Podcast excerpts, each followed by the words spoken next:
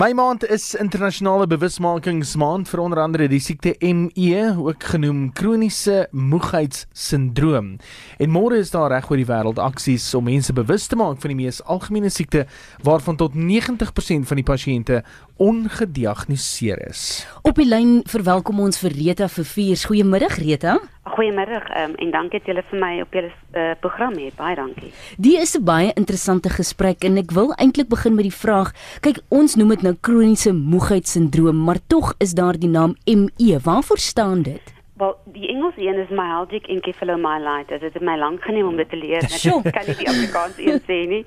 Ehm um, dit word op die oomblik in sekere lande ook by ons gebruik as sinonieme. Ehm um, daar is wel mense wat sê daar's 'n verskil, maar daar word soveel navorsing gedoen. Dit gaan dalk wees dat een 'n subset van die ander gaan wees, 'n ondergroep. Maar ehm um, die kroniese moegheid na met baie skade aangerig, want dit gee die indruk dat dit gaan net oor moegheid. En en dit is glad nie die geval nie. Dit het regtig vir ehm um, die siekte amper 'n baie groot stigma uh, gegee. Ek wil nou juist vra is daar 'n wanpersepsie tussen mense wat moeg by die huis aankom na 'n lang dag se werk en iemand wat wel kroniese moegheid ervaar? Verseker.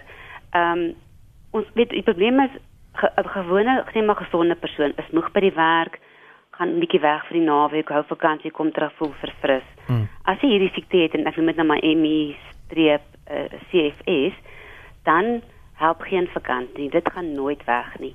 En daai moegheid is dis 'n ekstreme uitputting wat jou laat fisies siek voel. Dis glad jy word naar, jy jou brein wil nie lekker werk nie. Dit is glad nie die moegheid wat ons wat gesonde mense ervaar nie. Rita, die mense se liggame uh, vervaardig nie genoegsame energie nie en die basiese antwoord wat iemand vir jou gaan gee as jy sê hoor jy ek voel lam in die lyf is neem 'n bietjie Vitamiene B. Ek dink dis nie so eenvoudig soos dit nie, is dit? Glad nie. Baie pasiënte het eintlik uh, slegte reaksies op baie aanvullings. Ek weet van mense wat glad nie Vitamiene B kan inneem nie. Ehm um, daar is aanvullings wat werk vir party mense, maar dit is baie seldsaam. Daar's nog nie 'n kuur nie. En omdat hierdie siekte die hele liggaam affekteer, al die stelsels in die liggaam, is dit ontsettend moeilik om te sê hierdie terapie gaan vir hierdie persoon bietjie verbetering bring um, en daai een ook. Jy weet dit is baie uh, persoonlike elke persoon word verskillend hanteer. Hmm. So, hoe begin die diagnose? Is daar sekere simptome waarvoor jy moet uitkyk? Ja, as jy vir dit, hulle sê nou gewoonlik vir 'n tydperk van 6 maande plus ekstreme fisiese en breinmoegheid het. En met breinmoegheid bedoel ek jy kan regtig nie woorde onthou nie, jou geheue is baie sleg, jy sukkel nuwe inligting aan te leer. Slaappatrone verander.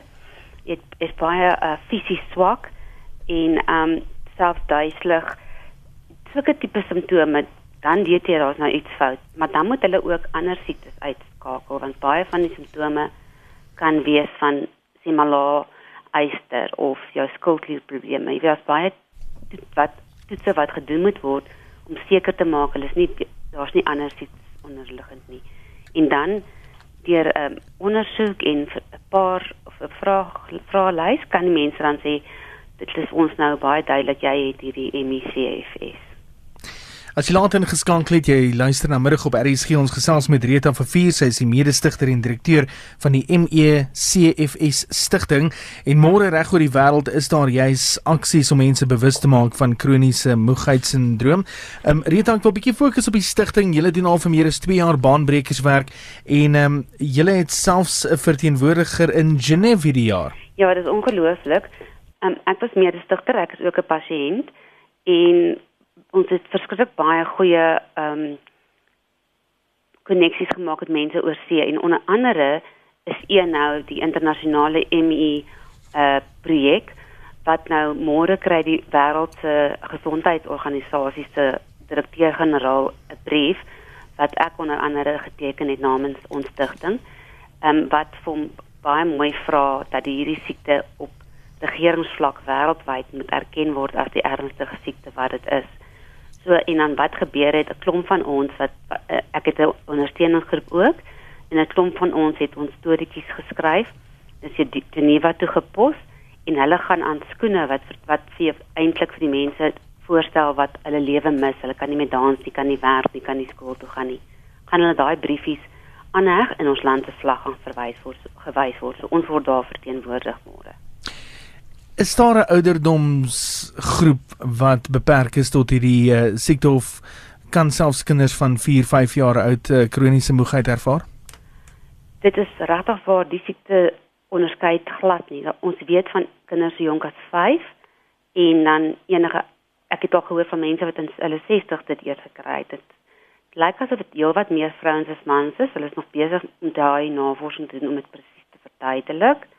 Ehm um, maar ras, geslag, ouderdom, sosio-ekonomiese omstandighede, die siekte maak glad nie onderskeid tussen dit nie.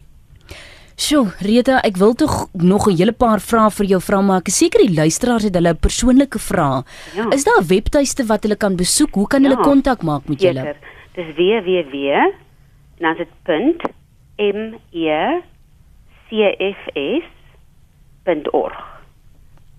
Goed, www.mecfscfs.org net so. M e c f s kies s a.org. Ekskuus, Oeh. ek moet eers neerskryf.